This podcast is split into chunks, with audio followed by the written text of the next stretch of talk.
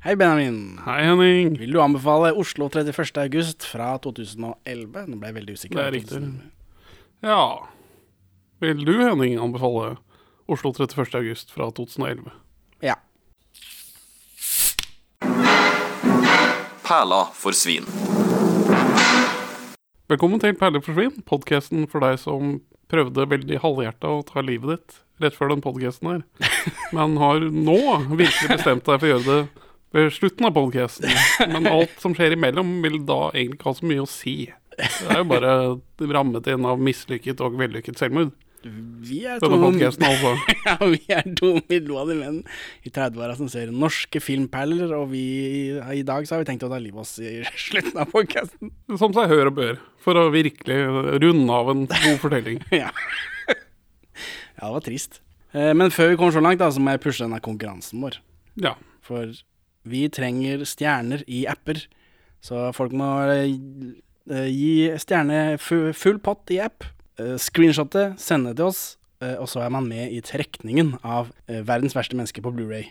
Som vi, vi, den konkurransen her, vi gjør oss ferdig i løpet av mars, kan jeg tenke meg. Skal vi signere den, da, eller? Eh, eh, hvis folk ønsker det, men det blir jo, blir jo veldig rart da, siden ikke vi har vært med på og lagd film. Det kan- det kan- Jeg, jeg, jeg slenger med noen klistremerker, jeg. Ja, og det går opp til eh, vinneren. Den eventuelle tilfeldige vinneren, om vi signerer eller ikke. Ja, så for hvert eh, screensh- eller hver rating i hver app, så er det ett lodd. Hvis man skriver noe i tillegg, så er det to lodd, og så legger jeg alt dette inn i en sånn randomizer på slutten av måneden, og så kan man altså vinne. Verdens verste menneske på Blu-ray, dobbelt Oscar-vinnende verdens verste menneske på Blu-ray. Men så man kan i teorien finne en sånn serbisk automatisert podcast-aggregatside. Og hvis den har et ratingsystem, så kan man få to billetter via det, da. Eh, Du kan få tre da, hvis du kan skrive inn hvor, hvor flott eh, podcasten er. Ja. Og, st- og gi stjerner, ja. Men, jeg- altså, hvilke... Nå er det Spotify og iTunes folk bruker da, men hvilke apper som helst, det plager meg ingenting. Hvilken konto som helst, det plager meg ingenting. Du kan få uendelig med lodd. Men dette er litt sånn, på mm, midten av 2000-tallet, så, så drukna jeg i CD-singler, fordi jeg deltok i eh, konkurranse på min lokalradio, og det er ingen som gjør det. Det, det, det er litt sånn er det her også, det er veldig... Det, her er det en liten, en liten og en knallgod fanbase, og av de så er det enda færre og enda bedre som faktisk gjør dette. Så sjansen for å vinne er ganske høy hvis du faktisk deltar. Det er sant. det er sant. Uansett, det er konkurransen. Send inn. Så er det denne filmen, da. Nå, nå koser vi oss. Nå, koser, nå er det god stemning. Nå gleder vi oss til Oscar Night. Det er jo dette, derfor vi gjør dette. Det er for å varme opp til verdens verste menneske på Oscar og alt, alt mulig rart. Ja, ja. Ja, det- For nå er stemningen høy etter den filmen her. ja det er gladfilmen Oslo 31. august. ja. Anders Danielsen Lie spiller narkis igjen, da, som i Tomme tønner. Det er jo veldig fint. Jeg gikk inn i Oslo 31. august veldig hypa. Så jeg er Nei, den fungerte ikke for meg. Å nei. Den den var ikke Men du anbefaler likevel? Den var ikke kjempedårlig. Den, altså, den var ikke dårlig. Den var bare øh, litt over middels, og ikke nesten toppers, sånn som jeg trodde den skulle være. For den har jo fått veldig mye Folk liker det. Men- Folk liker generelt eh, filmer om middelmådige hvite menn som går til grunne. Ja. Du skal ha øl, liksom. Han pleier ikke å drikke øl til lunsj. Kanskje han må tøffe seg litt når han er på besøk. Føler meg jævlig tøff. Eh, Anders Danielsen Lie, hva kan du om han? Jeg har jo sett han, Dette er jo den eneste Oslo-triologifilmen hvor han har hovedrollen. Ehm, ja Ja. ja han, det, dette er den som hvor han har hovedhovedrollene. Han er nummer to i begge de andre. Ja Han har vel delt nummer to i 'Verdens verste menneske'. Nå, uten at vi skal foregripe det, for den har vi ikke sett ennå, selvfølgelig. Ja. Er det det som er premisset på podkasten? Vi har aldri sett filmer før. Nei, det er korrekt. Ehm, ja, hva vet vi om han? Nei, han er jo en verdensbereist skater, beatboxer og lege. Er Anders Danielsen Lie skater og beatboxer også? Er Nei, han nå, skater? nå roter jeg med Det er regissøren. regissøren eh, Ai, ai, ai. Joakim Trier er Nei, skater. ja, men da- jeg- jeg- Inni min headcanon på dette Så er det samme person. radarparet her, så møt, møtes de i en eller annen sånn undergrunnssammenheng. At de liksom, de tagga på samme T-banevogn, og så møttes blikkene deres, og så var det dem to resten av livet. Ja, men på ordentlig da, så blir Anders Andersen Lie bedt om å eh, gjøre en audition for reprise. Ja. Så jeg tror ikke de kjenner hverandre fra før det. Nei, men de virker jo til å elske hverandre. Har trieren gjort noe uten lieren? Ja ja, Trieren og lieren. Trieren og lieren, altså Joakim Trier har jo Det er eh, reprise, og så er det den filmen her, Oslo 31. august. Og Så så det- er det Louder Than Bombs med Gabriel Byrne, som eh, Anders Danielsen Lie, antar jeg. Nei, Gabriel Byrne elsker jo å delta i norske filmer. ja, som i Ref Håkon Håkonsen. Eh, og, eh, og så er det Thelma, da, med, med prinsessa i Askeladden, din yndlingsskuespillerinne. Og så er det Verdens verste menneske. Og så vidt jeg vet, så er ikke Anders Danielsen Lie med i de to andre. Men jeg har ikke sett de. Så det, Nei. om han stikker hodet innom for å si hei, hei, det vet jeg ikke. Men jeg antar ikke det. Da føler jeg at jeg hadde, at jeg hadde stått i disse intervjuene. Ja. ja, Joakim Trier, du lager jo aldri en film uten Anders Danielsen Lie. Ja, Ok, Men for meg akkurat nå føles det veldig sånn. Eh, han, eh, han debuterer. Eh, han har ikke så mange hovedroller, har han det? Anders Danielsen Lie? Det er denne. Ja, er det bare det? Han er Eh, jo Og Herman, da, fra 1990. Hæ? Spiller han i Herman? Han Er, det er han, Herman. er han Herman? Han er Herman. What? Han er d- gutten som Mister lider av håret. skallethet? Ja, han mister håret. Jeg har ikke sett den, jeg. Nei, men jeg kjenner jo til Altså, den, det konseptet står veldig ut. Så jeg husker jo Herman, selv om jeg ikke har sett den. Men Altså, det er Anders, Anders Danielsen Lie.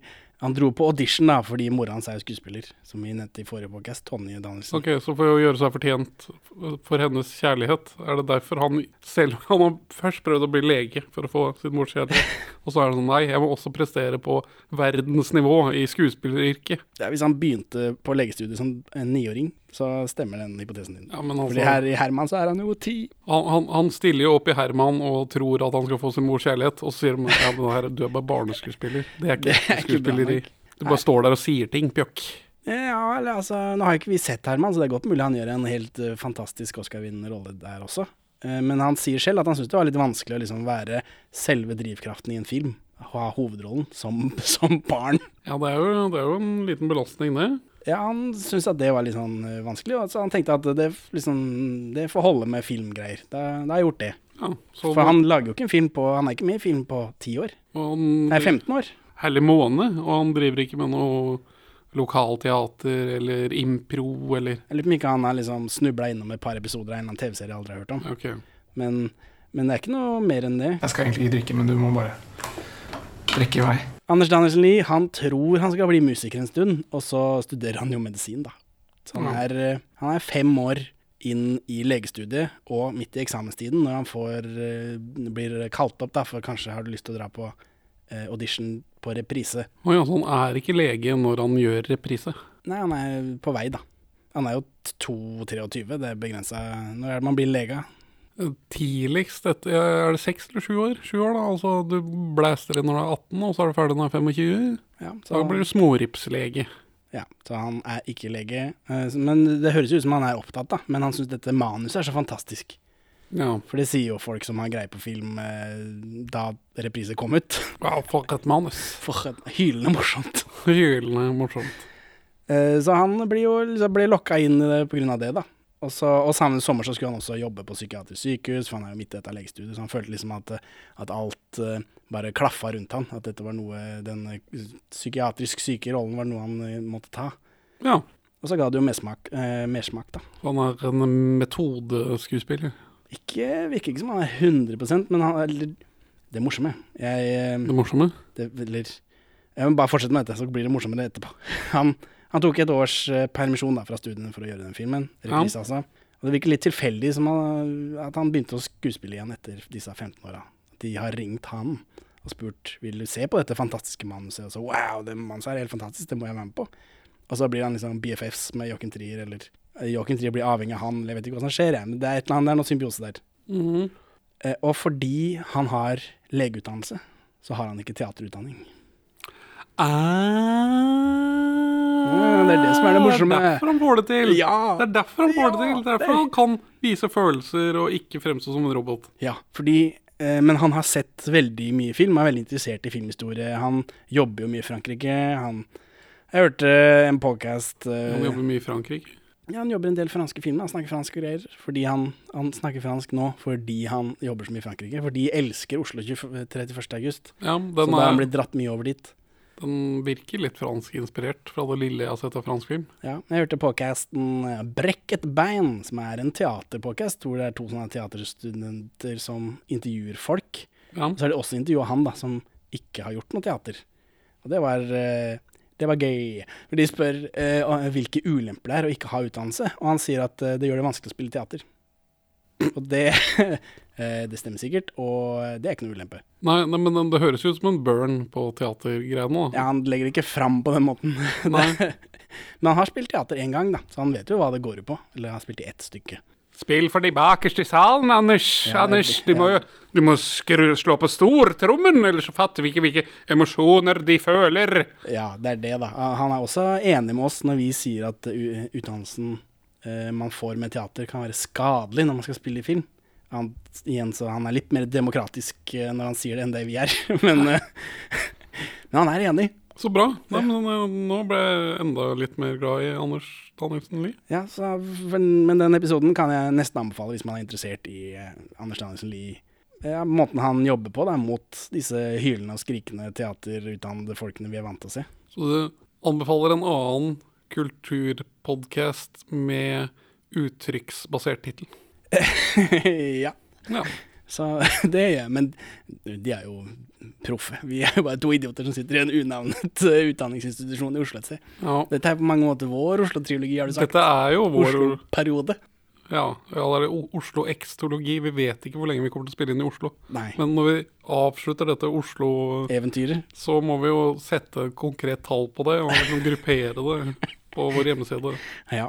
I 2007, så det er jo rett etter reprise, eh, så skriver han eh, fagboken 'Sex og sånt' med Maria Øverås, som virker å være en sånn barne-ungdomsbok om sex og sånt. Ja. Det er jo hyggelig, det. I 2011 så utgir han musikkalbumet 'This Is Autism', basert på kassettopptak eh, av han selv fra oppveksten, og han spiller alle instrumentene selv. What? Hæ? Han, Ok, har, han har tydeligvis Det har jeg ikke hørt på dette. jeg. men det må du, du må klippe inn et eller annet. Det må ligge på Spotify. A little lady, I know you can't differentiate between the truth and a lie. Until I'm 80, I'll celebrate our syndicate until the day that I die. I 2021, som nå ik- ikke er så langt unna, eh, er han med i Bergman Island og Verdens verste menneske. Og han jobber som assisterende bydelsoverlege i Nordre Aker under koronaviruspandemien. Jeg bodde jo i Nordre Aker. Jeg levde under hans regime. Ja, men han er jo da med i to sånne Cannes-filmer, og han er koronalege i tillegg. Ja, men han, Det gir ikke noe mening. nei, han, han virker jo til å være en någle arbeidsnarkoman. Ja, og han engasjerer seg jo i avisa også, for han var vel ute og klagde på regjeringens koronahåndtering, så det Ja, er ikke det- riktig det husker noe jeg jo. greier. Du, Henning. Du, Henning. Ja, Benjamin. Jeg har, en, jeg har en greie å ta opp med deg. Altså, Altså, hva har jeg gjort nå? Oslo-trilogien. Hva, hva er nå det? Ja, for det tenkte jeg på at eh, dette er en Oslo-film. Her ser du Oslo eh, Du kommer ut av denne tunnelen på et tidspunkt, og så ser du det som skal bli skyline til Oslo, men som nå bare er en byggeplass. Eh, men jeg følte ikke det var liksom en Oslo-film-reprise. Fikk ikke de store liksom Se på Oslo-bildene. Gjorde Nei. det? De gikk jo rundt, Jo, og de det er lever i masse- Oslo. Det er masse Oslo-runk. Og, og, ja, og, Jeg så- følte det ikke. og Jeg driver- følte, her følte jeg det veldig. Men det virker jo som Joakim Trier er veldig godt kjent med Oslo. Altså Jo lenger vi kommer ut i denne trilogien, i Gåstein, så, så blir det jo mer og mer Oslo-runk. Herregud, så vakker Oslo kan være, sitter man jo igjen med. Ja, det er sant. Men ja, Oslo-trilogien. Ja. I boka 'Quister presenterer filmquiz', volum 2 fra 2012, tror jeg det var, skrevet av Magnus Bettum og Christer Falk, er det tredje av 1000 spørsmål dette. Hva er samlebetegnelsen på regissør Erik Poppes tre filmer 'Spa', 'Hawaii', 'Oslo' og 'De usynlige'? Har du, har du, lyst, til, å- har du lyst til å prøve deg på det, Henning? Ja, nå som temaet er Oslo-trilogien, så vil jeg gjette Stockholm-trilogien. Mm-hmm. Nei, det er jo da Oslo-trilogien, Det er korrekt. ja. Første gang begrepet Oslo-trilogien dukker opp i norske aviser, er i Arbeiderbladet i 1948. Overskriften lyder 'Boikeland en Oslo-roman'. Og s- og så står Oslo-trilogien i teksten et sted. Altså sitat eh, fra teksten. Med den, Boikeland. med den nye romanen 'Boikeland' avslutter Trygve B. Steen Oslo-trilogien om Møllers fra Damstredet. Så det, Ok, ok. dette, Dette er, Boikeland avslutter den originale Oslo-truen. så dette Oslo-triologien-begrepet har, har dype røtter. Ja. dype litterære røtter. Det er jo eh, Joachim Trier er veldig glad i det. Ingen henviser til den Boikeland-avsluttede Oslo-trilogien eh, etter dette, da, så jeg vet ikke hvor godt det festa seg. Men i 2002 dukker begrepet opp igjen om Olav Angels siste samling med løgnhistorier om Oslo. Oslo i demring. Sitat. Han har følt Oslo-trilogien som en plikt. Og så endelig i 2005. Poppe jobber med den siste filmen i Oslo-trilogien. Så han jobber med den mens Joachim Trier jobber med reprise. Ja, da, mellom 2005 og 2019, så er det i hvert fall 80 omtaler av Erik Poppes Oslo-trilogi i norske aviser. Men så etter det kjører, altså i tidlig eh, midtsommers 2019, så kjører Agderposten eh, en artikkel om produsent Thomas Robsam sin a-ha-dokumentar. Hvor de da nevner at men eh, Robsam er mest opptatt med å planlegge innspillingen av 'Verdens verste menneske' til Ja, neste han år. er Som, produsent på den. som blir siste del av Oslo-trilogien. Hæ? Siste del av Oslo-trilogien, De usynlige, har jo vært ute i årevis. Og etter 2019 så dukker kun Joachim Oslo- Triers Oslo-triologi opp. Nei, nei, nei. Altså da, det- etter 2019 så ble Oslo-trilogien bare nevnt 77 ganger. Så uansett så er Erik Poppe sin trilogi mest befesta som Oslo-trilogien. Ja. For på toppen av det hele, o- i 2019, så kommer, blir også Lars Saabye Christensen sin Oslo-trilogi nevnt. altså, hæ? ja, for det tenkte jeg på etter at vi, etter at vi har sett neste film, 'Verdens verste menneske'. Eh, hvorfor og når begynte de å kalle dette Oslo-trilogien? For jeg tror ikke Joachim Trier på noe tidspunkt før han eh, begynte å planlegge 'Verdens verste menneske', tenkte på de to andre som deler av en trilogi. Det blir jo, altså, Tror jeg, da. Jeg vet jo ikke. er, er, for ingen av de andre filmene hans er satt i Oslo. Jo, jo. Er de det? Eh, Å ja, de to eh, som ikke tilhører trilogien? Nei, Ja. det vet jeg ikke. Nei, ikke vi- den første. Thelma er på Sørlandet et sted, for det er noe religiongreier. Nei, jeg tror ikke det. Nei. Så det er bare det at jeg har lagd film i Oslo tre ganger nå. Hvor, ma- hvor, hvor mange De showcaser jo Oslo veldig bra i Oslo 31. august, og i Verdens verste menneske så tror jeg han vet at det heter Oslo-trilogien, så det er også et bra showcase på Oslo. Men i reprise så følte jeg ikke at det var sånn. Nei, Jeg følte ikke at Oslo var en karakter i filmen. litt i hvert fall. Ja, men Det er bare fordi du vet det heter Oslo-trilogien nå. Ja. Eh, Woody Allen, hvor mange film, av filmene hans er satt i New York? 400 000, han lager to filmer i året. eller Så noe han sånt. har en 400 000 eptologi Ja, om New York. ja skal jeg tro. Men i hvert fall, Oslo-trilogien er en litt sånn rar samlebetegnelse. For altså, Oslo 31. august er jo ikke The Empire Strikes Back i denne trilogien, i hvert fall. Nei, for det er jo ikke en ordentlig trilogi, kanskje. Eller det, Anders Dansen Lie knytter jo hel, alle de tre sammen. I Ja. tillegg til de med bak, da. Ja, for du påstod noe om at hvor, hvor, når, når og hvordan er det Triers trilogi blir Oslo-trilogien? Ja, det jeg påstår, tenker du på? Ja, hva Ja, er det du for jeg påstår? hørte i en tredje podkast igjen, Ai, ai, ai, ikke nevn navn nå. Anders Dansen Lie snakker om Han nevner i en bisetning at det var han som fant på å bruke begrepet Oslo-trilogien, eh, sikkert om disse, da. Men han er ikke så god på markedsføring. Og så går de bare videre, det er bare noe han sier, og så er det ingen som plukker opp på det. Ja. Så det er, bare, det er bare noe man fant på i anledning den tredje filmen, for å lure øh, folk til å, en, til å kjøpe de to første, for å se etter sammenhengen. Ja, ellers så er jo Han er jo en sånn eh, filmfeinschmecker, da, han Anders Dansen Lie, så han har vel sett disse poppefilmene, antar jeg.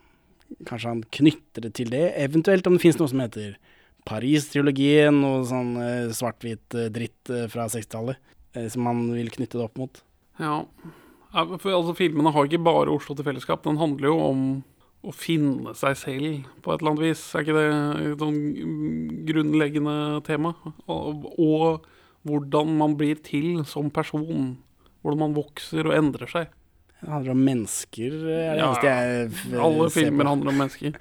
Ja, ikke de som handler om romvesener og, og det er superhelter og sånn. Alle filmer handler om personer. Er det troll, det? Føler det? Si han tror. Hvorfor tegnet du trollet? Du ser på Anders. Fordi den er så stor. Den er så stor, ja. Anders var sånn narkotroll før, vet du. Så Har du hørt om heroin og, og speed og sånn? Og katt? Du har hørt om katt? Oslo 31. august er basert fritt på romanen Le Fou Follette av Pierre de la Rachel, står det på slutten av filmen. Ja. ja, fra det herrens år 1927. 30 eller noe sånt, tror jeg. Ja. Men det er bare enda en historie om en mann som går til grunne. Ja. På heroin. Han har levd et hedonistisk liv, altså. Heroin og greier, altså. ja. Vi får ikke se så mye av dette livet hans før, da. Vi får jo vi får mest, vi får jo mest møte han etter at han har gått til grunne, og så forsøkt å reparere seg sjøl, og så ikke fått det helt til. Ja, det er jo fritt etter, da. Det er jo ikke det er jo ikke det som er historien. Historien er jo etter at han liksom har levd det gode slash harde liv. Og nå treffer vi han. Han. Eh, Det, filmen åpner da med på kornet til Oslo, tomt Oslo. Nå er vi en Oslo-film. Ja, nå, nå Oslo er det så det ljomer. Det er til og med Oslo i tittelen. Det er det også. Med sånn, Oslo-filmer er jo sånn filmer lagd av Oslo kommune, men eh, Ja. Og så er det voiceover av forskjellige folk som snakker om Oslo. Så dette skjønner jeg at dette er en Oslo-film. Ja. Jeg skjønner at dette er en del av Oslo-trilogien. Jeg fikk ikke samme liksom, Oslo-harde inntrykket av reprise. Nei. Ja, er det en greie han har i alle filmene sine? Altså den forrige Det er mye start- voiceover, i hvert fall. Ja. Det, er- det er rett ut av fransk film. Sikkert. Men det blir eh, Jeg merker det at det, det er færre grep her. Det blir, er mindre slitsomt å se på. Ja, det, nå, nå, jeg, tr- jeg tror din analyse av eh, forrige film er spot on. Han er redd for at han ikke får lov til å lage film igjen. Så han må bare brenne av alle teknikkene han har lyst til å bruke. Ja, for nå virker det som liksom han slapper av litt. At eh, ja ja, OK, jeg kan For dette er, dette er en film som ikke trenger å skylde over meg. Her kan jeg faktisk følge med på hva som skjer. for de presenterer ting som skjer, Ja. ikke ting som eh, ikke skjer også. Bare sånn, I tilfelle jeg ville fremstille historien sånn her, så bare brenner vi av. Ja, eller noe han har sett eh, i Frankrike, eller hva faen, da. Oi, oi. Ehm, Det er tilfeldige hjemmevideoer, da. Og så er det disse, denne voiceoverne, disse voiceoverne som snakker om Oslo, hvordan det var før, hva Oslo betyr for dem, bla, bla, bla. Det er blant annet en skater som tryner, for han er jo skater. Jeg jeg håper det er en hjemmevideo av han. Ja, det er vel det man Jeg satt og håpte det sjøl. Skulle jo tro det hadde stått et sted, da, men jeg har ikke funnet eh, noe. Eh, Det er voiceover av folk som husker ting da om Oslo, og så husker de at de rev Philips-bygget. Det er liksom det siste klippet i denne montasjen. Det har jeg aldri sett før, men det var slående som F. Ja, jeg har heller ikke sett det før. Det, det var masse folk der òg. Ja, for Alle dette var er, der for å se. dette er jo noe å se på. Philipsbygget. Har du noe forhold til Philipsbygget, du som bor i Oslo nå? Mm, Ikke gjorde det i 2000. Nei, eh, Det eh, er oppført i, ble oppført i 1959 og eh, ble revet ved sprengning 30. april 2000. ja. Det var det første bygget i Norge som ble revet på den måten.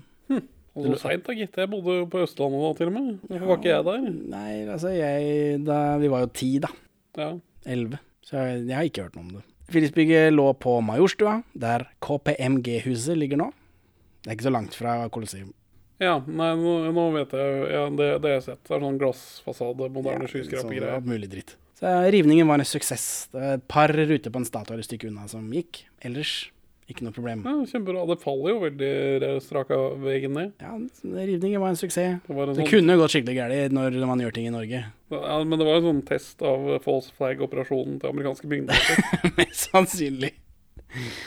Eh, og så er det en svart skjerm, da. Det er enda en ting som går igjen i alle disse tre filmene. Svart skjerm, hvit tekst, Oslo 31. august. Så da veit du for det første hvilken dag det er, og for det andre tittelen på filmen. Men det er jo ikke Oslo 31. august. Nei, nå er det Oslo 30. Det blir jo det, da. Fordi Ja, for han våkner vel. Så det er liksom, dette er dagen det blir 30., ja. For det blir 31. over natta. Det er Altså, mesteparten av filmen foregår 30. august. Ja, så det er eh, Denne skjermen er bare tittelen på filmen. Det har ikke noe med dagene å gjøre. Så eh, da blir vi introdusert for Anders Danielsen Lie. Han heter Andersen i filmen. Kjempefint for meg som skriver notater. Ja, ryddig og greit. Veldig. Anders Danielsen Lie, eh, han står og ser ut av et vindu. Det ser ut som han er på et hotellrom eller et eller annet eh, kjipt. Han Den, frama mot E18. ja, den, ja, for det er sånne, sånne hotellrom fins. Pen shot, da. Det er det det går i i disse Ja, filmene. det, det, det, det, altså, det blir litt meningsløst å snakke om det, men det er pen shot hele veien. Ja. Det er en dame i senga, han, han drar opp gardinene, det er støy fra denne veien, han fyrer en røyk. Hva syns du om lydbildet denne gangen, da? For her la jeg merke til eh, lyddesignet. Jeg kan ikke si jeg beit meg merke i det forrige gang. Altså reprise. At det var litt eh, agro-skrudd. Nei, at det var eh, Jeg la merke til at det var lyddesign. Det føltes som noen har villet noe. Ja, ok, det, det, det la du ikke merke til på reprise. Det, Nei, for da var det bare Ja ja, her er det mye punk og dritt. ja. ok. Mens her er det lydene. Ambiensen. eh, Det er for det er noe natur, og så er det Oslo, og så er det natur i Oslo, og så er det Ja, det skal, spiller han piano og så. hva, hva, hva er signaturene til trier? Ja, det er disse svarte bildene, eh, hvit tekst Enn mellom så lenge nå har ikke vi sett de to som Ah, nei. ikke er med Anders Dansen. um, Kan hende de skiller seg helt i form. Og så er det folk som snakker, som også snakker etter at de har slutta å snakke. Altså at samtalen fortsetter mens vi ser på dem liksom ikke snakke. Ja, er det så mye av det her, da? Ja, Det er det i en sekvens her, i hvert fall. Ja, når for han det- for det er detter noe med av brenner. Det, det er noe av det i Verdens verste menneske, men der er det ikke klipp på den f- I reprise så er det som om det kanskje Ikke snakk om verdens verste menneske. Nei, Du har ikke sett den? nei, det, nei det er illusjonen vi må opprettholde. Men eh, i reprise så f- føles det som om det kanskje ikke skjer noen ganger også. Disse Ja, samtalene ja, som men- foregår inni hodene til folk, og så Ja, nei, Ja, det var repriser vanskelig. ljuger mye. Mens, mens i denne, da, altså neste film, så er det eh, Føler jeg at det bare er editing. Ja, altså det bare er en en kunstver ting. kunstverdig måte å klippe det på. og Ikke at det, det kanskje ikke har skjedd, disse samtalene. Nei. Ikke at det, f- samtalene foregår inni hodene på personene, og at de eh, kan høre hverandre, kanskje. Altså- som det er i reprise. For, for sånn jeg føler det blir gjort her, da, når jeg slipper å tvile på om filmen ljuger eller ikke, som jeg gjør i reprise, siden den bare ljuger hele tida. Ja. Så føles det som om må- målet er at han vil fe- få frem emosjonen til den som snakker tydeligere. At man får den voice-overen av hva personen uttrykker, mens også fjeset er opptatt med å uttrykke denne følelsen. Norske skuespillere er vanskelig å gjøre to ting om gangen, ikke sant? ja, ja. Men, øh, men øh, jeg, vil ha, jeg vil ha et par flere signaturer. Altså, og så gå i veien. Ikke på, ikke på gangfeltet. ja, ja. Det er jo en Ja, ja, signatur. Hat eh, mot gangfelt. Anders Danielsen Lie, da. Anders Andersen Lie. Ja, og så alle disse filmene. Og litteraturreferanser og Ja, det, filmreferanser det, og det, sånn. det, det, er jo, De greiene der, da. det er jo en kulturelite-trilogi. Det er det. Det handler om kulturelitefolk. Ja. Det er liksom Det er forfattere. Det er alltid en forfatter med. Ja. Minst. Det er ikke, det er ikke arbeider, Oslo-arbeidertrilogien. Nei, det er det ikke. Men i den første i reprise så føler jeg kanskje at de tar det litt for gitt. At selvfølgelig er alle sånn. Mens her så er det mer eh, Dette er dette sjiktet han har eh, Anders Dansen Lie da har tilhørt eh, og har falt ut fra. Jeg føler at eh, her, Denne filmen føler jeg vil si noe om det. Mens i den Ja. andre så var det bare sånn det var. Dette er en gjeng klysete intellektuelle duster. Som, I reprise, ja. som vi alle kan kjenne oss igjen i hvis man har vært i Oslo og hengt litt med intellektuelle duster og klyser. Mens ja, her må- ja, Den her handler jo om å ikke lykkes i den verden. Ja, og hvordan Og det å kanskje ja, Hans Olav Brenner, da, som dukker opp her helt tilfeldig ut av det blå. Er han skuespiller? Eh, pff, tydeligvis. Ja, i, i, uten, uten tvil, når man ser han spille, stort Ja, sett. ja, jeg mistenker Han er en sånn kulturelite-journalisttype, så jeg mistenker at han også ikke har teatertrening. Ja, det, er- det, er- det er det som er Uten at jeg hacken vet det, da. til Joakim Treo å lage bra norske filmer. Ja, men sånn, Oppe på svensk nivå, til og med. liksom. ja, men på sånn eh, intervjustil eh, Hans Olav Brenner i intervjustil er jo veldig unaturlig og kleint, så det er litt rart. Ja. I Nå klemmer vi meg og Ole Paus inn i en eh, boble, eller hva faen det var for noe. Han drev og kjørte rundt i bil. eh. Ja. Brenner og bøkene, osv. Uh, men vi kommer til han senere. Men han, han har på en måte Det føles ut som han har vært en del av den reprisegjengen, og så er, har det jo gått eh, noen år da han er blitt voksen og fått eh, kjerring og unger og greier. ja, Føles det som. Ja. Jeg, ikke, men altså, Hans Olav Brenner-karakteren. ja. At han kun, er tatt fra reprise, kunne vært da, eh, og så satt inn her sånn. Nå er du blitt voksen, du har barn. eh, og så kommer denne fyren som har dette ut av livet ditt en stund, og så kommer han tilbake, og så vil du være litt kul med han. Sånn til å begynne med, da, så blir han jo, er han jo veldig overfladisk eh, og rar, og skal liksom tøffe seg. Og så blir det veldig inderlig etter hvert, og han skjønner at å faen, ja, ja, du er ikke den du var før, Anders Dansen Lie. Ja, fordi begge har til felles at de har forlatt dette kulturelitelivet, men det ene har gjort det på en sånn myk overgang til småbarnslivet, mens den andre har vært junkie. ja, noe sånt. Ja, skal vi starte på filmen, da? Ja, Eller? det, det, vi er jo ganske godt i gang, spør du meg.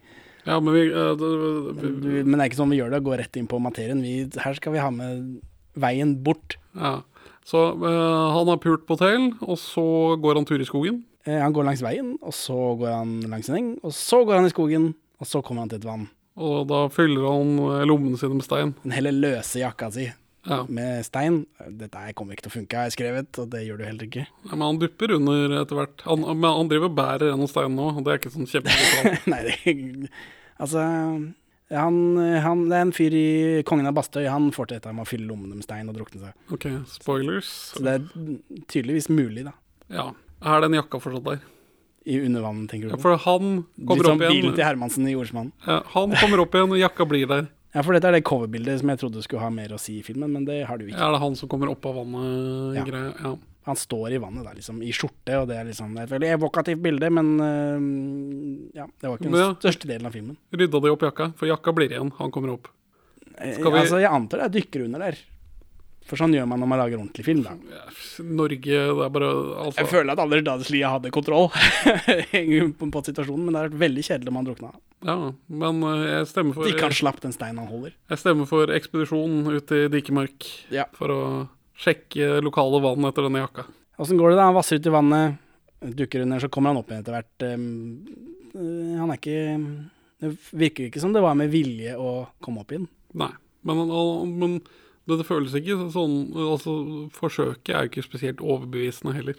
Nei, det er en ganske slakk jakke, men han er griner og er lei seg. Han er, jo, han er jo på et dårlig sted i livet, da, uansett om han mente det på ordentlig å ta livet av seg. Om han var veldig gira på å ta livet av seg eller ikke.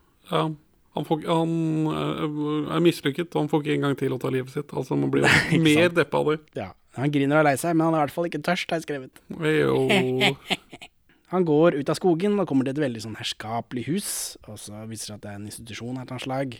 Eh, Anders Danielsen-Lie sitter og griner på rommet sitt, noen spiller ping-pong. Han har bilder av en dame på veggen. Spørsmålstegn? Ja, det, vi ser henne jo aldri. Nei. Så er det gruppeterapi, det er forskjellige folk som driver med narkotika. Og det virker som denne gruppeterapigjengen skal ut nå, at de liksom er ferdig behandla. Ja, dette er jo siste runde, og så skal de ut i verden på et eller annet vis. Ja, Og så får vi blir det avslørt der at han er lystløgner. vet Eller at han ljuger, i hvert fall. Han ljuger. Ja, Anders, eh, Anders, han heter jo Anders i filmen også, sier at han, han har, ikke, noe- har ikke hatt noen sterke følelser i det siste. Nei, Han jaggu. ljuger. Han tar vel ikke så godt i terapi, da han vil ikke legge ut om følelsene sine, kanskje. Jeg vet ikke. Det er jo noe gærent her, Ja, han, han, han mislykkes jo i det meste han gjør. da. Ja. Så, eh, men han skal på et sånt jobbintervju, da, så det er jo noe. Så kjører vi taxi, det er a-ha-musikk i taxien. Så kjører de Thomas liksom Robsham har en kontakt. Det er sant. Ja, jeg vet ikke når den kontakten oppsto, men kanskje det har noe med dette å gjøre. Og så kjører de liksom gjennom denne tunnelen, er det Trondheimstunnelen? Den går ned til Ø- Oslo åpenbarer seg foran oss når vi kommer ut av den tunnelen. Så er det liksom skyline til Oslo, men det er mens de driver og bygger denne skylinen, så det er bare masse kraner. da. Anders ringer på hos Hans Olav Brenner. Han er med i flere filmer og serier, og det visste jeg ikke. Jeg bare kjenner han som en sånn fyr som intervjuer folk kleint, som nevnt. Dette er første filmen hans, da. Han spiller eh, ganske bra. Igjen, jeg mistenker ingen teaterutdannelse. Men eh, han, han starter ut som en veldig sånn fæl klise her. Ja. Han er kjent med at kompisen hans har et rusproblem, men av å se han så får han lyst til å ta en øl. Ja, Så men, drikker han et øl til lunsjen mens småbarnet hans er til stede. ja. og Men han det skal samme- tøffe det, som eh, Ingrid Olava påpeker jo dette. Kona hans. Ja. A- Artisten Ingrid Olava spiller av en eller annen grunn kona hans. Igjen, jeg antar kvinne uten teaterutdannelse. Ikke så verst. Ja. Eh, Men det som hun påpeker, er at, det liksom at han tøffer seg. Og Det tror jeg kanskje. Ja, ja, men det er veldig usympatisk tøffing Ja ja. Men, over når du får en junkie på besøk. Liksom. jo, men han har jo ikke sett den på lenge. da Han veit vel ikke hvordan ståa er, liksom. Så han pleide bare å gjøre det i gamle dager. Fy søren, vi er kule, vi var kule da. Ja, du har hatt litt problemer, men du var jo jævlig kul den stunda du hadde problemer også. Jeg har ikke sett deg på et år eller tre. Ja. Tipper jeg. Men eh, han forandrer jo tonen Eller han Han skjønner etter skjønner hvert hvor greia etter hvert. ja. Eh, og så driver han Brenner driver og forklarer dette barnet sitt om Anders som om han er et narkotroll, og det er liksom Det er noe Det er- forsøk på humor-tøffing. ja, men òg være sånn eh, foreldre som har kontakt med barna sine, sånn kulturelite. Altså, vi må jo fortelle barna om virkeligheten. Vi kan ikke liksom bare pakke de inn. Vi kan- trenger ikke å si 'Å nei, eh, v- vennen min Anders var på ferie i flere år'. Vi må bare være ærlige. Ja, han er Det, både jeg føler det var litt sånn satire på den typen foreldre. Eh, Anders forteller om et sånt skuespill som de gjør på huset, hvor de andre narkisene står rundt og er eh, aspekter av livet til denne narkisen det gjelder. Og så er det teit og sånt, og så ender det alltid med at eh, alle disse narkene sier 'jeg er glad i deg', 'jeg tilgir deg'. Ja. Så, jeg- hva, hva betyr denne historien? Hvorfor fikk vi dette? Hva er det Anders karakteren søker her? Mm, b- Jeg, jeg føler at han prøver å vise eh, at eh, behandlingen ikke helt har fungert for han. At han er ute Han vil gjerne ha den liksom sånn absolution fra folket rundt seg, men tror ikke han vil få det. Så han vil ikke direkte be om det. Er det det? Jeg vet ikke, jeg bare mm, Brenner er liksom overflatisk og teit, mens Anders er, han vil være inderlig, føler jeg. Ja. Og liksom åpen, og det er litt vanskelig med masse koner og unger og øl til lunsj. Men det kommer seg etter hvert, da. Tror jeg. Ja, ja for de er, på, de er liksom på to forskjellige planeter.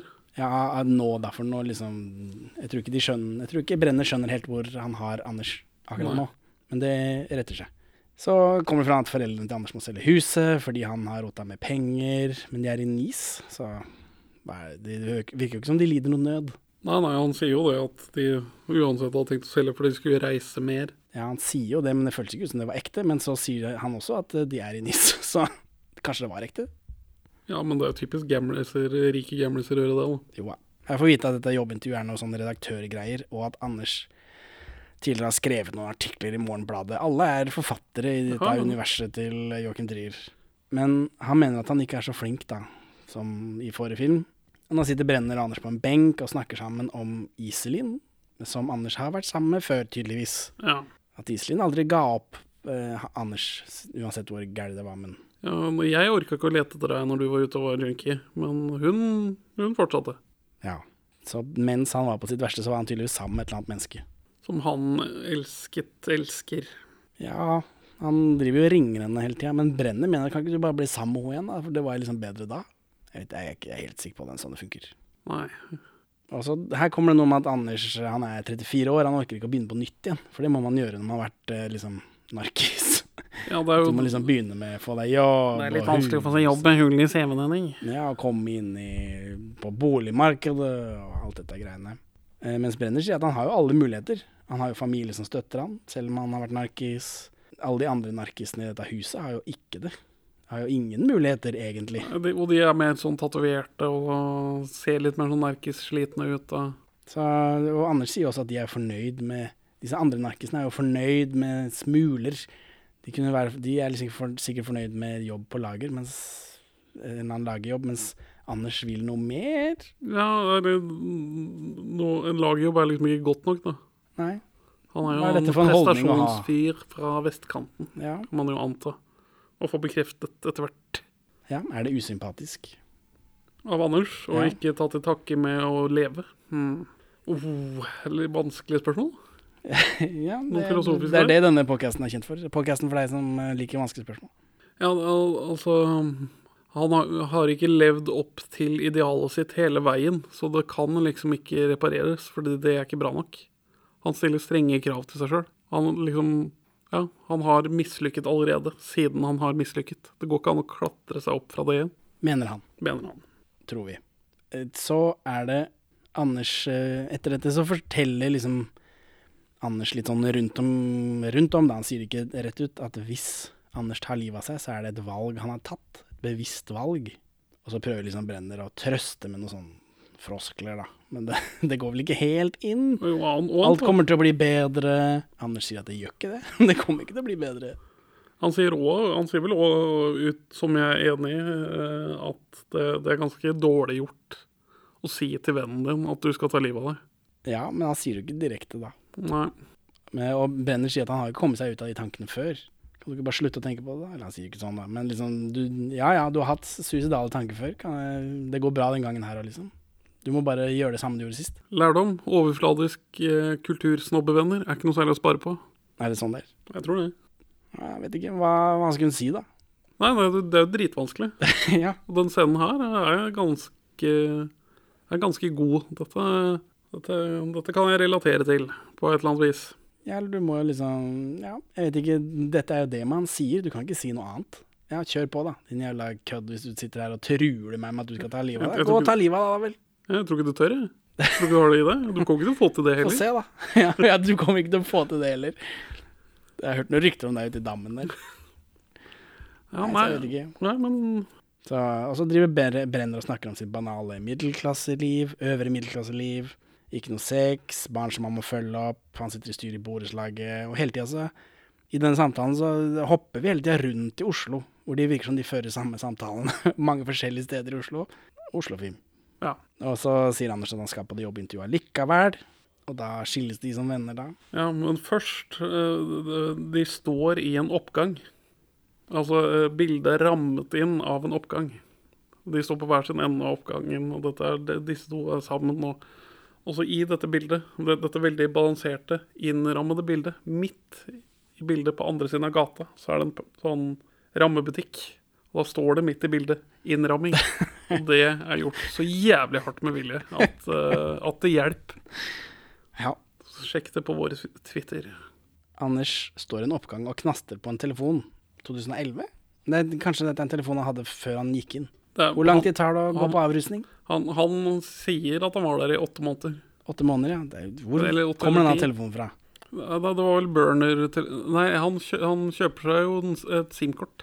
Han driver jo og fikser og dulter med det. Å ja, Så kan det være en sånn gammel sånn dealetelefon han hadde. kan hende.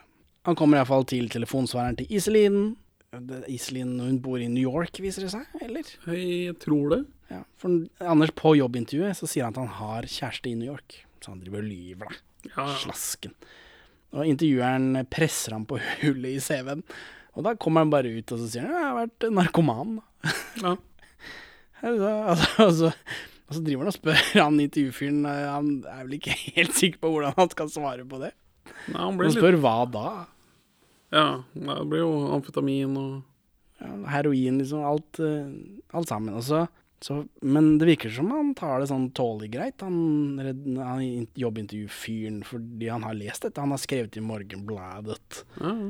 og sånt noe. Og så er han, virker det som han er eh, interessert. Her kommer det altså en, nark, en høy, høytfungerende eksnarkis. Ja, og så kan man sikkert få noen sånne penger eh, gjennom Nav for sånn inkluderende arbeidsliv. Det kan også hende. Det blir ikke nevnt her, da, men det virker som Han blir ikke mm, umiddelbart eh, avfeid. Nei, nei, og Anders Danielsen Lie klarer jo å frem, gjøre en stor figur på intervjuet frem til det, når han utfordrer hva han mener er problemet til bladets profil Ja. og innhold og design. Han liksom Han har noe han kan gi til denne jobben her. Ja, ja, ja. Men eh, Anders sitter fast i sin egen mislykkethet og bestemmer at nei, selv om han eh, intervjueren virker litt åpen for at dette er ikke helt du, du, Båten din har ikke sunket ennå, selv om det kommer frem at de de er junkie. Men nei, da bestemmer han seg for å- bare få, få, bare få søknaden. For han har sendt inn en papirsøknad. ja altså, Så den, den, Anders, ja. den, opphører å eksistere i deres system hvis han får bare denne ene papirkopien. 2011 tror du ikke han har gått fra dør til dør, da. Dette var noe de måtte gjøre på den institusjonen, høres det ut som. Ja. Søke på ting. Så, men Anders tar søknaden sier det vel. tilbake, og så Han blir jo ikke kasta ut eller noe som helst. Han Nei, bare nei, nei. tar den, og så l- friker han ut, så løper han. Ja. Kaster, river i stykker og kaster søpla. Så dasser han litt rundt i Oslo. Ja, så er vi på kafé eller noe sånt. Her er det mer lyddesign. Han ser på folk som spiser, han hører på folk som prater. Jeg er helt sikker på at jeg hører eh, Henrik Elvestad-miksen, men det er bare jeg som er paranoid, tror jeg. Ja. Eh, nei, men det er masse folk som eh, interagerer, men de fleste av dem snakker vel et eller annet om hva de har lyst til å gjøre med livene sine, eller møte kjærligheten, eller Ja, og så begynner vi å følge random folk hjem med andres folk. Samtaler som voiceover til det de tilfeldige folkene gjør. Dette er vel et eh, bilde på måten Anders sammenligner seg selv med andre. Ja, eller at han føler seg utenfor samfunnet, at han Ja. ser eh, de ting fra utsiden, og så eh, innbiller seg hvordan andre folk har det som eh, er bedre enn han. Eller bedre enn hvordan han har det. En Pepsi Max og så en sånn der bruschetta. En bruschetta? Ja, ok.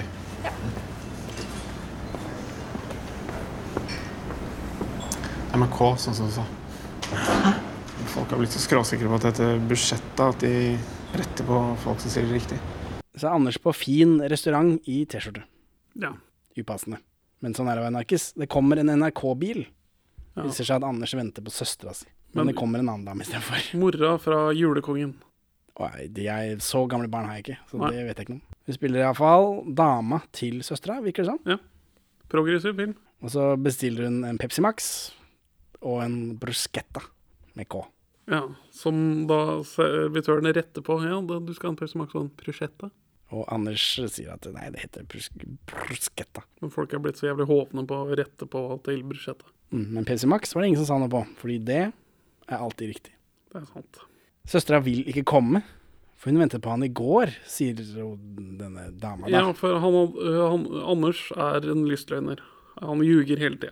Påstand. Da er man lystløgner. Jeg vet ikke, lystløgner, jeg vet, ikke, Er narkomane lystløgnere? Virker som de er nødvendighetsløgnere. så men blir det bare han en er- vane. Han er, ja, det kan være at det, han lærte seg det som junkie, og nå sliter, han sliter med å droppe avhengigheten sin av løgn. For han skulle egentlig ha sin første frikveld dagen før, men den brukte han på å pule en svensk berte på et billig hotell langs motorveien. Ja, det må være lov. Mens han egentlig hadde avtalt å møte søstera da. Og søstera liker han vel godt, da, men har tatt Virker ikke som hun liker han Jo, veldig. men Virker som hun er hun redd syns for å det er bli så- vanskelig ja. Hun er redd for å bli såra igjen, da. ja, eller For det er jo skummelt å ha junkie rundt seg. Ja, det har vel vært en vanskelig junkie-periode. Og Fordi så når junk- han begynner å bryte av- avtale og sånt, nå, så kan liksom ikke stole på han. Så det er derfor hun har sendt kjæ eh, sin lesbiske kjæreste som buffer. Ja, eller for det virker som de, sk- den planen var at eh, Anders og søstera skal bort til huset til foreldrene som de har solgt for å eh, hente eller ordne et eller annet, Ja. virker det som. Og siden søstera ikke vil komme, så mm, har hun liksom fått ansvaret, da, denne kona, eller dama, eller hva det er for noe. Og så kommer det frem at søstera er redd De sier det jo ikke direkte, men det virker som søstera er redd for at han bare skal ta ting for å selge og kjøpe dop for.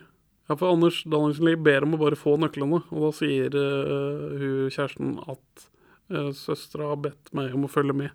Altså følge med deg. Ja, ja. Eh, Anders reagerer ikke sånn supergodt på det, men det kunne vært verre. Han blir litt såra. Det kunne vært verre. Han kunne bare skutt opp der og da, mener du? Nei, han kunne blitt superforbanna og liksom kasta ting og sånt. Men han, han blir eh, sint og trist og lei, og så kommer han til seg selv senere. Men han oppleves som litt sårere enn tidligere. Ja, men altså, du, han er jo narkist, da. Han holder jo ikke avtalene sine. Det er Han takker seg sjøl. Jeg vet ikke. De tenker jo Mm, Nei, ikke sånn. Man nei. tenker jo ikke sånn Det er- når, når det er meg det gjelder. Narko narkomani er en sykdom, Henning. Ja ja, men da reagerer jo folk på den sykdommen, da. Hvis jeg har lepra, så vil folk eh, stille seg annerledes til meg. Det er sant. Så når man er litt sånn vanskelig å stole på, så vil man jo da ha litt problemer med å stole på folk, da. Tillit er noe som må fortjenes, eller noe annet. Ja, og vedlikeholdes. Her, da. Så hvis han hadde liksom før- gått med på notene Ja, søstera får være med, har jo ikke, han har jo ikke tenkt å gjøre noe slask. Eller det viser seg jo at han har tenkt å ta livet av seg, da, men jeg vet ikke om han tenkte det akkurat nå. Vi vet ikke om han har bestemt seg ennå. Nei. Så, men altså, foreldrene driver og leverer ting til søstera for at de skal selge huset, da. Og da blir Anders irritert igjen. Så snakker han dritt om foreldrene til denne Ja, det, er- det, er denne, dama.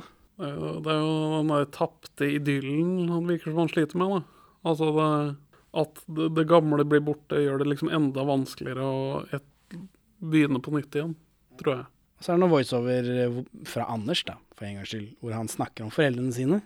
Og så eh, om alt de lærte han og ikke lærte han og alt dette greiene her. Og så er han plutselig inne i et rom med masse barn som spiller fiolin. Hva er dette for noe? Archie-farchie-dritt. ja, det tror jeg, for dette har ikke noe med noe å gjøre. Du spiller jo ganske jævlig òg, Ja, Eh, det som har jeg- barn gjør. det tenkte jeg ikke på. Jeg bare tenkte, hva er dette for noe? Og så kommer det alltid tilbake. Kanskje er det er dette øvre middelklassefolk som setter barna sine her for at de skal bli til noe, og så har ikke Anders blitt til noe, og så står han der og syns Det- at ikke han har blitt til noe. Han kan nok ha vært der selv, og at han går gjennom et sted fra fortiden. Det kan hende, for han, har jo spilt, han spiller jo piano, tydeligvis. Ja. Og så er vi plutselig ute igjen da, med samme voiceover, og så eh, våkner Anders i en park, og da er det kveld. Så går han på en fest i en bygård eh, som Brenner inviterte han på tidligere, da. Ja. hos noen de kjenner fra gamle dager. Og her liksom, nå drikker Anders champagne, for tidligere så har han jo ikke ville hatt øl, for han skal jo ikke drikke. Altså, nå føles det som han har bestemt seg for å selvdestruere. Men han driver og mingler og liksom. En fyr tvinger Anders til å fortelle en teit historie om da Anders la seg i senga til faren til Miriam, hun som da arrangerer festen.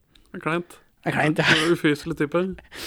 Kan ikke du fortelle den beste historien noensinne, Anders? ja er litt altså, sånn- og så for- prøver han å fortelle, og så blir- forteller han ikke på den måten som han fyren vil han skal fortelle det, og så tar han over, og så ja, nei, det er, eh, det er kleint. Det skjærer i magen. Det gjør det. Man føler med Anders. Så er Anders ute og røyker og depper, og så sitter Miriam også der og depper. For hun syns det er vanskelig å bli gammel for det er hennes bursdagsselskap, dette. Ja, Det begynner å bli jævlig få folk som ikke har barn, fra hennes originale vennekrets. Ja, for hun, Nå er det bare taperne igjen. ja, liksom. bare taperne. Hun er ufruktbar, bla, bla, bla. Og så susser de Selv om hun er sammen med en annen fyr.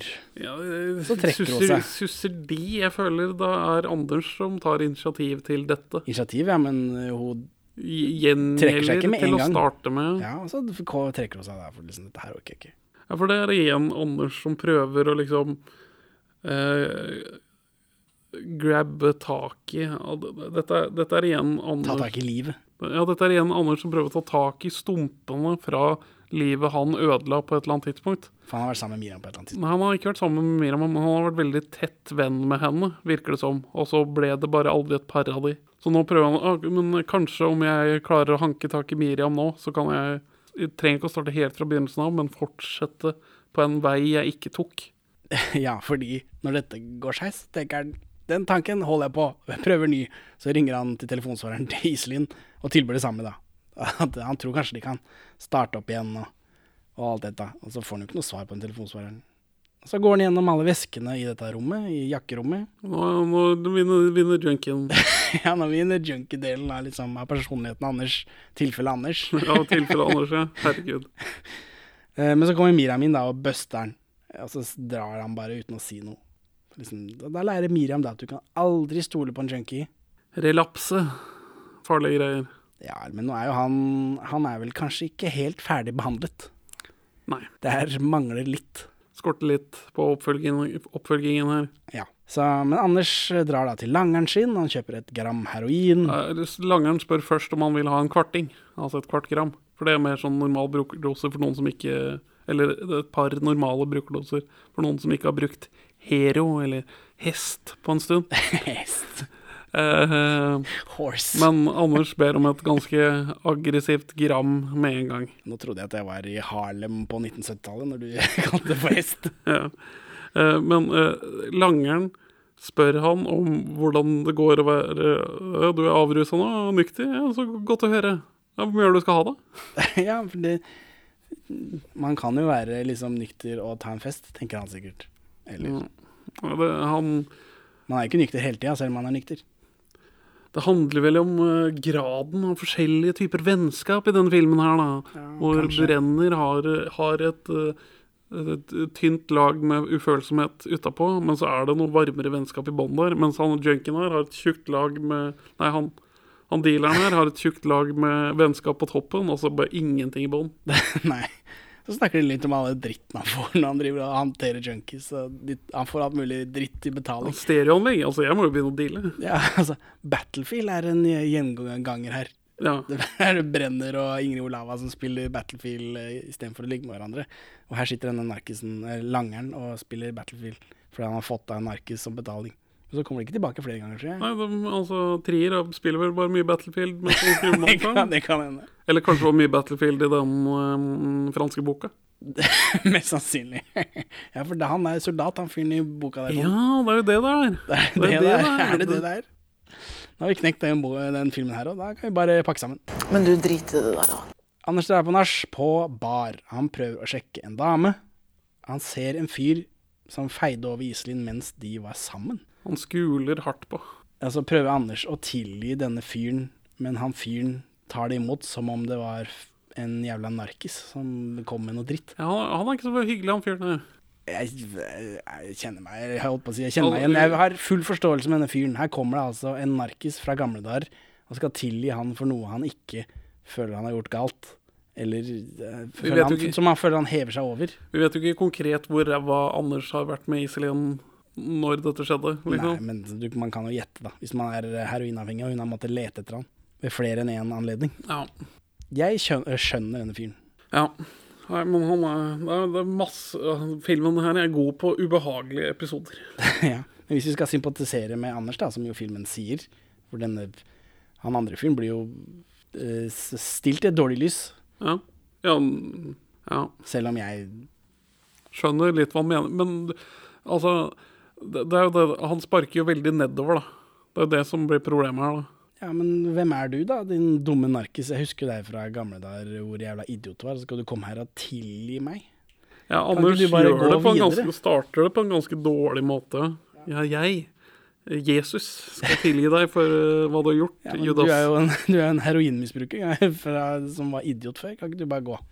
Men eh, Renate Reinsve inviterer videre på rave. Nts, nts, nts, nts, nts, nts. Så her, altså, verdens verste menneske inviterer Oslo 31. august på rave. Det er ikke hun som er verdens verste menneske. Er det ikke det? Nei, så det ikke ver- Vi har ikke sett verdens verste menneske, så da må du bare droppe. Ja, det er greit. Men hun er ikke verdens verste menneske. Jo, det er jeg helt sikkert. Nei, hun er ikke verdens verste menneske. Hæ, hva sa du? Jeg sa, jeg sa bare det at eh, jeg så Rambo 3 her om dagen. Og det er faktisk en jævlig bra film. Rambo Ja, ok, det er den med Dolph Lundgren, ikke sant? Eh, så er det rave, der er det god stemning, og så er det dårlig stemning. Vi er på blå. Eh, og så er det laber stemning, bare. Og eh, Anders blir med en dame hjem, men det er bare enda en fest. Nei, jeg tror han bare ligger med noen på liksom, et bakrom på dette utestedet. Vet ikke, Ligger de da? Starter i hvert fall. Jeg vet ikke. Men han, Anders har snakka om manglende evne til å oppleve glede. Han, han, er- han, er, vel, han er vel kanskje deprimert. det virker Ja, for han ligger med svenske Berthe på et hotellet, men han fikk ikke noe ut av det. Nei. Han prøver han, Anders higer etter ting som skal liksom gi glede eller gjenopprette noen form for normalitet. Og det prøver han bl.a. med å være skjørtejeger, som han er veldig kjent som. Men det, han får liksom ikke noe u- ut av det. Så driver Renate Reinsve og kliner med en fyr i et hjørne. Anders snakker med daten sin om at hun kommer til å ha 1000 sånne festkvelder, og alt skal glemmes. Så sykler de av gårde sammen med noen andre som har et brannslukningsapparat. Hva er dette for noe? Hva er vitsen med dette brannslukningsapparatet? Et- et Er det for eller å skape et sånt drømmebilde? Et eller annet uh, Joakim Trier har gjort i ungdommen, tipper jeg. Det kan hende, men det er veldig mye gass i det der eh, Ja. brannslukningsapparatet. Så Mm. er Det, det, blir jo, det er jo et veldig godt bilde, da. Han er veldig evokativt. ja, det er sant. Men nå er det nok eh, en Elling-location, Vigelandsparken. Mm. Å, fy faen i helvete, Elling! Hører Kjell Bjarne i bakgrunnen her. Dette ekkopunktet, det må jeg dra til. Ja, fordi nå Kjent Det er- Oslo-spot som alle blir tatt med til. Bare unnskyld meg, mine ja, Oslo-venner. For dette her har ikke jeg hørt om. Jeg har mange Oslo-venner, men ingen som har stilt opp. Nei, fordi det liksom, det fins et sånn ekkospott i Vigelandsparken, tydeligvis. Så Og, står man i en mo- mosaikk som er veldig pekt ut av mosaikken. Og så tramper man, og så er det gøy. ja, eller du kan rope, da, for den daten står jo og gauler. Eh, og så er det ved Frognerbadet, eh, og de tre andre hopper uti for Ja. å bade. da. Sånn. Og så får vi vite datoen, 31. august. Dette er jo da over midnatt, antar jeg. Eh, og så kommer sola opp, eh, og Anders går ifra dem, opp til huset til foreldrene, Han, antar vel, jeg. han velger veldig konkret å ikke Bade. hoppe og bli med i denne, deres lykke. Vil ikke være med, ha det gøy, han. Nei. Han tak, takker nei. Han er utenfor. Han går vekk. Ja, for han har det veldig trist med seg selv, antar jeg. Ja. Han føler iallfall selv at han har det veldig trist med seg selv. Så går han opp til det som jeg antar er huset til foreldrene. Han ringer Iselin igjen og unnskylder seg for i stad. Han, lo Unnskylder vel ganske generelt i denne telefonsamtalen. ja, han loker rundt, han eh, spiller piano in cam. Øh, øh, stopp. Her. Fordi alt dette foregår i én shot. Ja, han, øh, whatever. Ja, Det er jo men Er grep. ikke det fantastisk? da? Det er fantastisk Det er ikke Altså, grep. Children of Men. ja, ikke langt unna, men Anders Men- Dansen spiller piano i kamera. I, øh, I ett shot. Her ble filmen litt for kunstrunkete for meg. ja. Denne, denne spille sin egen øh, øh, Spille ut seg selv. Det ble litt for on the nose for min del. Jeg vet ikke, men ja, nå som jeg tenker på det, så er det sånn tilbakekast til dette fiolinbarna, da, men det tenkte jo ikke på det da. For min del så kunne filmen godt ha avsluttet når han satte seg ned ved pianoet og bare Nå er det ferdig. Kunne jeg ha fortsatt. Så tar han frem her- heroinen sin, rigger seg til, setter sprøyte, legger seg ned, og alt dette fra han går inn i huset er ett langt skudd. Han spiller ganske lenge på piano. Ja. Tenk om han driter seg ut etter det, da. Flaut. Men han spiller bra å sette en overdose, da, for han puster liksom litt raskt fort, og så stopper han. Og så, ja, det er jo et pent bilde, men ja Litt, litt for on the nose. Ja, ja. Litt for på nesa. Og så er det klipp av Oslo, steder vi har vært, som er tomme, i eh, omvendt kronologisk rekkefølge. Altså vi følger filmen bakover. Og så er det slutt. Så er det bare dempet lyd og trafikk. Livet går videre for alle andre. Så Benjamin, hvorfor vil du anbefale Oslo 31. august? Men det er en god film, men ikke så god som jeg trodde. Sju av ti på NDB. Ja, ok. Men jeg trodde det skulle være åtte eller ni av ti på IMDb. Men ja, nei, den, ja, dette er en eh, god film om selvmord. Det, altså, det var, det var et stemningsbilde av eh, den siste dagen i noens liv. Oslo 31. august. Ja. Natt til 31. Ja. Det blir litt lang, kanskje. Ja, nei, ja, eh, evokativt om depresjon og mislykkethet og krav og bla, hvordan det er å være menneske. En god film. Det, det er det. Han får til det, Joakim Trier og Anders Danielsen Lie. Radarparet. De, de, det er svensk nivå på dette her. det er jo det høyeste rosen man kan få i en norsk podkast Så, ja, så- om norsk film. Se denne del to i Oslo-trilogien i Gåstein. Så Henning, hvorfor vil du anbefale denne filmen? Nei, Det var en god film. Det er lett å følge med på alt det greiene der sånn. Og jeg, jeg bryr meg på en måte. Jeg lurer på hvordan skal det gå. Du føler ting. Men er dette, er dette en utvikling av den karakteren i reprise? Er det, er det, er det prøv igjen, liksom? At det nå, for denne Iselin er litt sånn som Victoria Winge. Vi trenger egentlig ikke ha med henne. Hun er bedre som et sånt spøkelse. Vi skroter pretensiøsiteten. Mye av det, ikke alt. Ikke, ikke alt. Piano. Og alle, piano. alle disse karakterene man ikke trenger, bort med det. Fokus på Anders Danielsen Lie, det som funker, og litt mentale problemer, liksom. For det var det som funka sist. Jeg vet- Det, Jeg- fun- jeg- altså, så du, du prøver å si at denne filmen er en slags reprise av er reprise? dette eh, i Evil Dead 2? Ja. Eh, Jeg skjønner hva du mener, men jeg, jeg, jeg føler det mer handler om hva slags type historier det er Joakim Trier har lyst til å fortelle. Eh, Du kan jo si at dette er et annet take av reprise, hvis du vil dra det så langt, men nei det, mm, ja. At, liksom, at han har f- finspikka litt på det, da. At dette er second draft.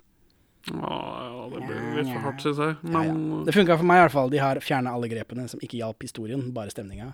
Ja. Så det er ikke så tjaete som var på den forrige. ja, film, filmskapere som er tryggere på seg selv, Ja. tror jeg. Det har jo gått fem år siden sist også. Så må jeg minne om denne konkurransen. Man kan vinne Verdens verste menneske på Blu-ray. Man må gi oss top-rating i en eller annen app. Altså må jeg vite om det. Så da for å gjøre det, så må du s- ta en screenshot og sende til meg. Alle våre kontaktflater kommer nå etter at vi har sagt ha det. Eh, Og så eh, for eh, hver topp-screenshot så får man ett lodd. For hver beskrivelse så får man to lodd. Alt dette går inn i en sånn random eh, generator eh, i slutten av måneden, og så kan man vinne. Altså, så kan du vippse, vippse meg, 41653144, og så kan jeg spille inn sånn personlig telefonsvarer for deg. Ok, dette er noe annet enn konkurransen. Ha det bra da, Benjamin. Ha det bra, Henning. Takk for at du hører på Perler for svin. Du finner oss først og fremst på perleforsvin.no, men også på Twitter under perler-for-svin, Facebook som perleforsvinpod, eller du kan maile oss på perleforsvinpod at gmail.com. Gi oss gjerne en eh, rating i din lokale podcast-avspiller, og, og legg igjen en beskrivelse så folk skjønner hva det er for noe tull vi egentlig driver med. Her er ukas Pål Bang-Hansen-sitat ute av kontekst. Nei, erotikk var ikke akkurat mangelvare på årets festival. Ikke vold og brutalitet heller.